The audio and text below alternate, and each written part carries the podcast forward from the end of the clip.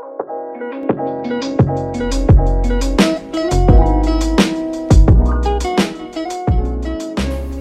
selamat siang. Perkenalkan nama aku Ricky. Ini adalah podcast pertamaku. Nah, sebelum kita masuk ke inti pembahasannya, aku mau tanya nih sama teman-teman. Kalian tahu nggak sih apa itu toxic relationship? Kalian pasti udah tahu dong. Atau mungkin kalian udah pernah ngerasain apa yang namanya toxic relationship. Nah, bener banget. Untuk podcast pertama ini, aku mau bahas tentang toxic relationship. Pembahasan ini lumayan serius sih buat podcast pertama kita. Ya jadi semoga kalian gak bosen ya dengerinnya. Tapi aku bahas ini nggak sendirian nih. Ada kakak aku yang bakal nemenin kita. Namanya Kak Tia halo kak. Hai. Apa kabar kak? Alhamdulillah baik. Kak Tia tahu nggak apa yang mau kita bahas ini tentang toxic relationship Tahu dong, soalnya kan banyak banget nih orang-orang yang ngomongin soal toxic relationship lagi viral banget sih. Kalau Tia sendiri pernah nggak sih ngalamin toxic relationship? Kalau aku sendiri sih pernah ngalamin sekali dan aku nggak mau ngulangin itu lagi. Wah boleh lah nanti diceritain sedikit ya kak pengalaman kakak sharing-sharing lah kita biar teman-teman kita tahu nih toxic relationship itu kayak gimana. Oke nanti aku bakal ceritain sedikit. Ya tanpa berlama-lama lagi kita langsung aja masuk ke intinya apa sih toxic relationship ini Jadi toxic relationship itu menurut aku ya adalah hubungan yang gak sehat Di mana salah satu pihak terlalu mengatur mengekang bahkan melakukan tindak kekerasan. Jadi ada yang namanya pihak korban, ada yang jadi pihak pelaku. Aku mau tanya ke Kak Tia nih. Tadi kakak bilang kalau kakak pernah ngalamin hubungan toksik. Jadi gimana sih kak sebuah hubungan bisa jadi toxic relationship? Jadi kalau menurut aku nih ya, hubungan bisa jadi toxic relationship itu karena ada beberapa hal yang mempengaruhinya jadi yang pertama tuh biasanya emang orang itu entah itu dari pihak cewek ataupun pihak cowok emang memiliki sifat kayak gitu. Jadi emang udah bawaan sifat dasarnya dia tuh emang udah toksik kayak gitu. Dan setiap berhubungan, maksudnya setiap uh, menjalin hubungan dengan orang lain pasti sifat itu selalu ke bawah karena emang tuh udah sifat dasarnya juga. Yang kedua ada juga yang uh, dia tuh jadi kayaknya trauma dari masa lalu. Jadi sebelumnya mungkin dia pernah disakitin atau pernah dihianatin makanya dia jadi punya sifat yang kayak gitu. Akhirnya kebawa ke hubungan dia yang selanjutnya. Oh gitu. Jadi kalau yang untuk kedua tadi yang dia trauma karena hubungan masa lalunya terus dia jadi toxic di hubungan dia selanjutnya sebenarnya itu salah nggak sih kak baik atau salah atau itu memang wajar buat dia yang dulu waktu di hubungan sebelumnya itu dia merasa tersakiti terus di hubungan dia selanjutnya tuh dia jadi toksik itu menurut kakak gimana? Sebenarnya sih nggak ada yang menyalahkan ataupun yang membenarkan sih. Tapi kalau menurut aku sendiri, menurut pribadi aku sendiri nih ya, hal kayak gitu sama sekali nggak wajar sih, apalagi di sebuah hubungan yang namanya kita kan berhubungan, pengen pacaran dengan baik-baik aja, bahagia, seneng-seneng. Ya walaupun pasti ada masalah sih ya, tapi kan nggak mungkin apa kayak gitu. Uh, apalagi kalau misalkan salah satu pihak itu tuh toksik dan dia sampai melakukan tindak kekerasan sama pasangannya. Itu udah fatal banget sih kalau menurut aku ya kan itu bener-bener ngerugi, ngerugiin korban baik secara fisik maupun juga mental dan itu menurut aku nggak wajar banget sih kalau hubungan ada kayak gitu oke terus nih kak menurut kakak ciri-ciri hubungan udah jadi toksik itu gimana Ciri-cirinya sih biasanya ngelarang deket atau temenan sama lawan jenis. Terus nggak boleh pergi ke mana pun kecuali kalau dia yang nganterin. Terus juga cemburuan, entah itu sama cewek ataupun sama cowok. Itu bener-bener cemburu banget. Harus nurutin semua omongan dia, nggak boleh dibantah satupun. Mengatur keuangan pasangan. Memanfaatkan baik dari materi atau apa pun itu dan yang lebih klimaksnya lagi adalah melakukan tindak kekerasan entah itu nampar, nonjok, nendang, apa pun itu pokoknya yang berbentuk kekerasan. Oke, aku mau nanggepin yang e, mengatur keuangan tadi. Emang ada ya kak yang sampai segitunya? Ada sih yang sampai segitunya, entah itu cewek ataupun cowok. Biasanya salah satu dari mereka itu ada yang ngatur keuangan. Jadi ngomongnya tuh gini biasanya uh, duit kamu biar aku yang pegang ya. Uh, biar kamunya nanti nggak boros. Biasanya ada yang ngomong kayak gitu. Tapi sebenarnya di balik omongan dia yang itu emang bener sih duitnya disimpan. Tapi ada beberapa duit juga yang dipakai sama dia sendiri. Kayak gitu. Jadi tuh yang mana yang namanya uh, keuangan diatur tuh kayak gitu. Jadi dia cuma dikasih beberapa buat sekian hari. Nah sisanya nanti dia yang pegang. Dan juga ada yang dia pakai. Kayak gitu tapi kalau itu udah ada kesepakatan dari kedua belah pihak itu masih salah. Tetap salah sih karena itu udah uh, menyalahi kesepakatan awalnya. Awalnya kan kesepakatannya adalah untuk duit itu dipegang sama salah satu pihak bukan untuk dipakai. Kalau duit itu dipakai berarti itu dia menyalahi kesepakatan awal. Berarti udah kayak hubungan suami istri dong nggak kalau sampai udah ngatur keuangan kayak gitu hampir mirip sih sama hubungan suami istri karena bagi pelaku toksik hal kayak gitu tuh udah wajar ngatur-ngatur keuangan kayak gitu Terus nih kak, pengaruh dari toxic relationship bagi pelaku sama korban itu kayak gimana? Untuk pelaku, biasanya sih dia kehilangan respect dan kepercayaan dari banyak orang sih. Karena biasanya pelaku toxic itu seneng banget uh, mengekspos hubungannya sama pasangannya.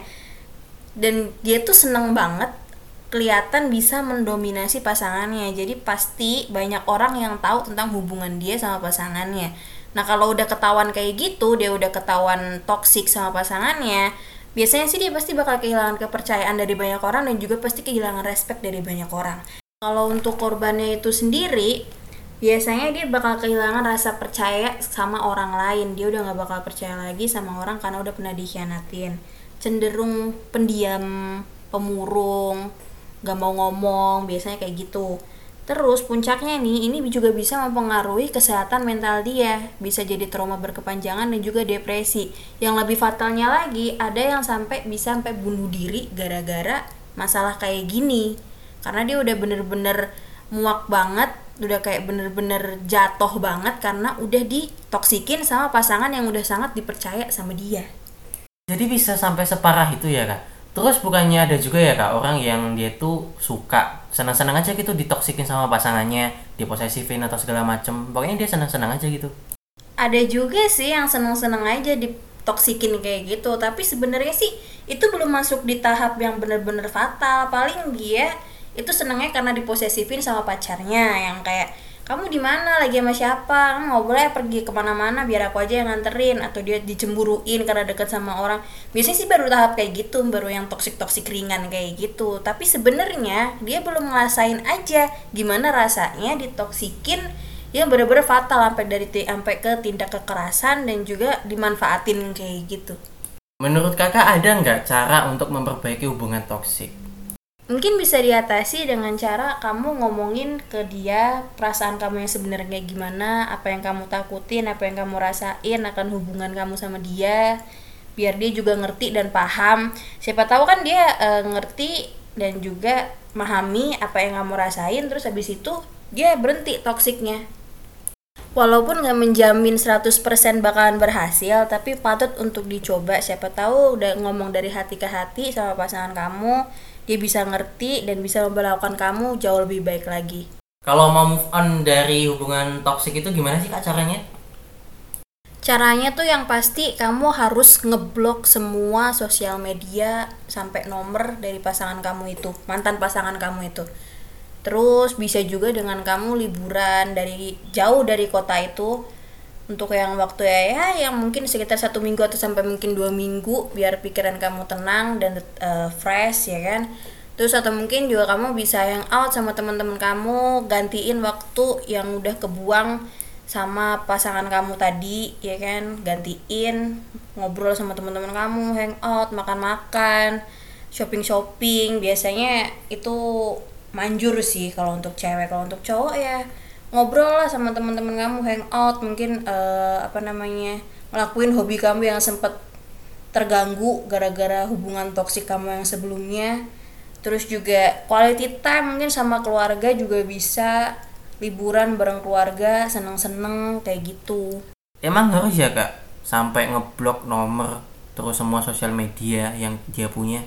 Kalau menurut aku sih harus ya soalnya biar meminimalisir kata balikan Soalnya kan eh, kamu sendiri kan yang tadinya sebelumnya cinta banget sama dia, udah berhasil lepas, udah berhasil move on, udah berhasil keluar dari hubungan itu kan sayang banget kalau misalkan kamu luluh lagi dan juga balikan lagi sama dia dan juga biar dia itu nggak bisa kontak-kontak kamu lagi buat ngajak-ngajak balikan kamu lagi.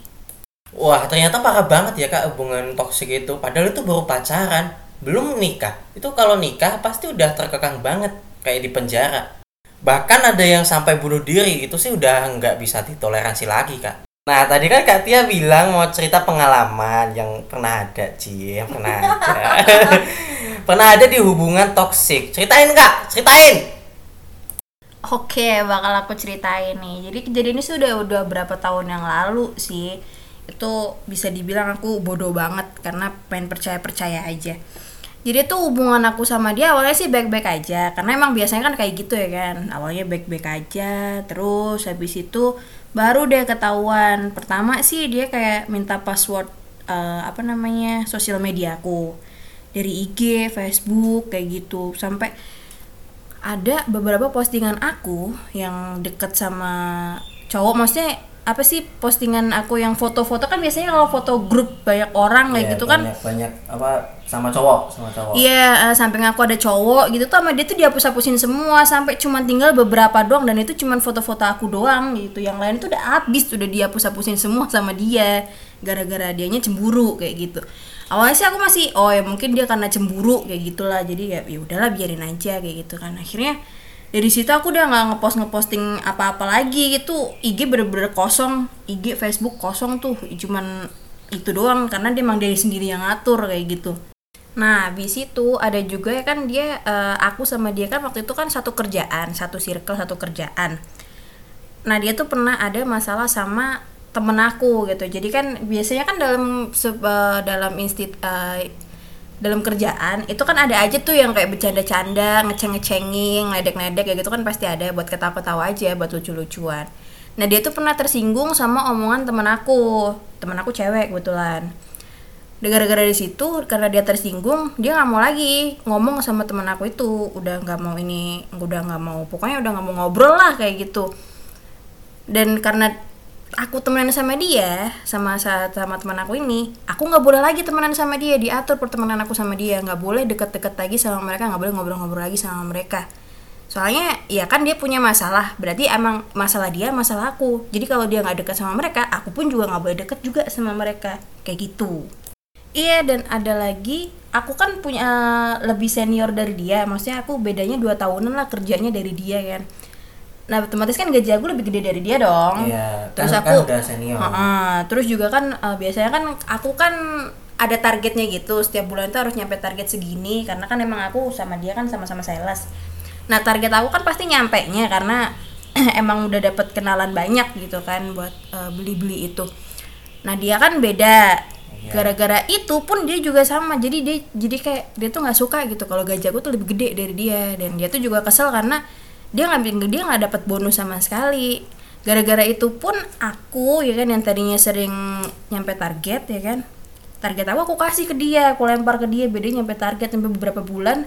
Sampai pada akhirnya gara-gara itu aku dipanggil nih sama manajer dan dimutasi ke daerah lain Mutasi kayak gimana? mutasi kerja. Jadi aku dipindahin kerja ya dari tadinya di situ ya kan dekat rumah. Terus dipindahin agak jauhan gara-gara itu tadi nggak ngecip target sampai beberapa bulan gitu. Dan dia pun juga nggak ngerasa bersalah. Terus kak setelah kakak pindah dimutasi itu perlakuan toksiknya itu masih berlanjut gak? malah makin parah sih soalnya karena aku sama dia kan nggak ketemu jarang banget ketemu. Dan itu malah makin parah gitu. Setiap kali ketemu handphone aku selalu dicek pastinya Eh, terus kontak-kontak handphone aku pun juga dihapus-hapusin. Pokoknya nggak boleh ada kontak cowok selain dia gitu sama keluarga aku gitu kan.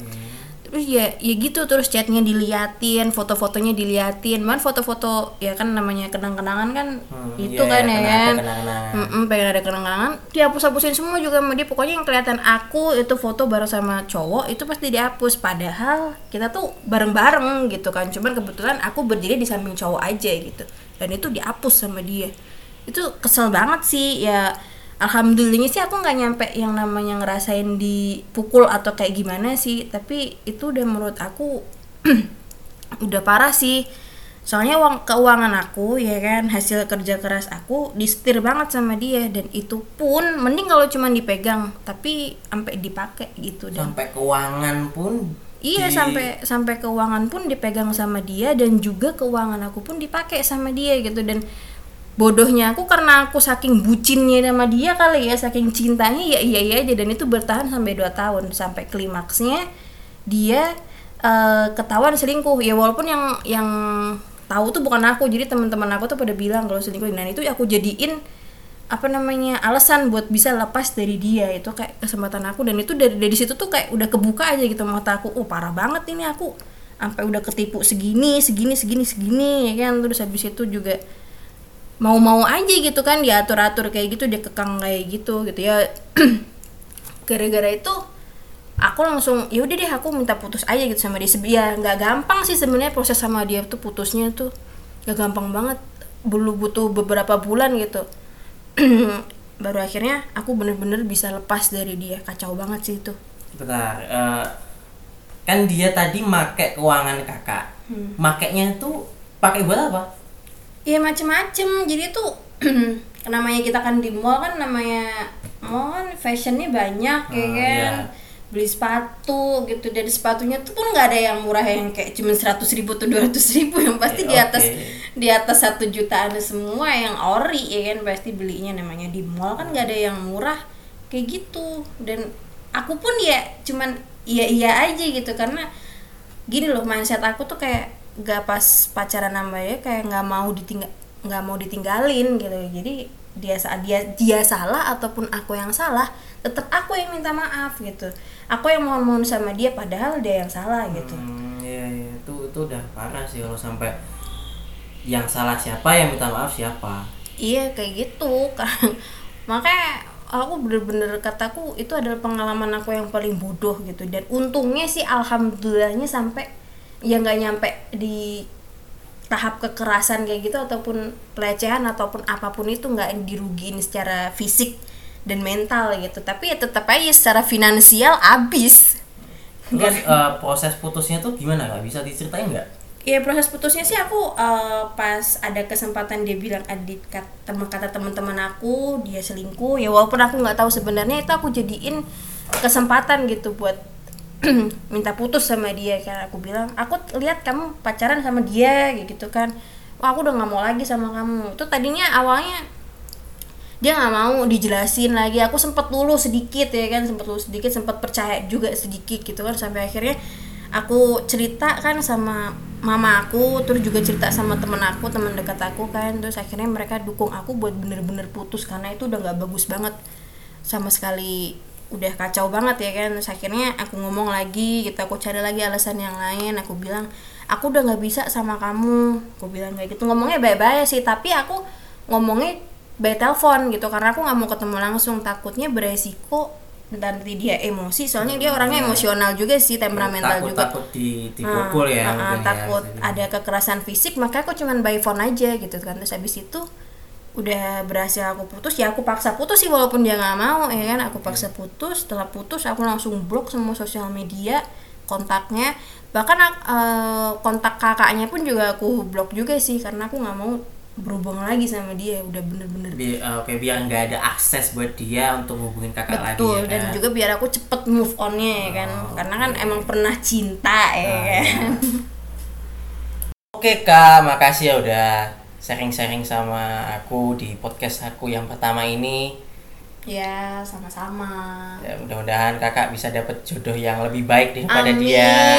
Cepet nikah ya kak. Amin. Bahagia selalu. Amin. Stay safe juga. Amin. Semoga lancar puasanya. Amin. Oke teman-teman, kita udah sampai di penghujung podcast. Eh, makasih banget buat teman-teman yang udah eh, stay dari awal sampai akhir buat dengerin topik pembahasan kita ya kak. Iya. Eh, mudah-mudahan apa yang kita bahas, apa yang kita sampaikan itu bermanfaat buat teman-teman dan buat kalian yang berada di hubungan toksik. Mudah-mudahan kalian bisa lepas lah gitu harapan aku ya karena itu benar-benar gak baik ya kan kak. betul Oke, eh, sekali lagi terima kasih buat teman-teman. Stay safe, eh, jaga kesehatan, dan semoga lancar puasanya. Bye bye.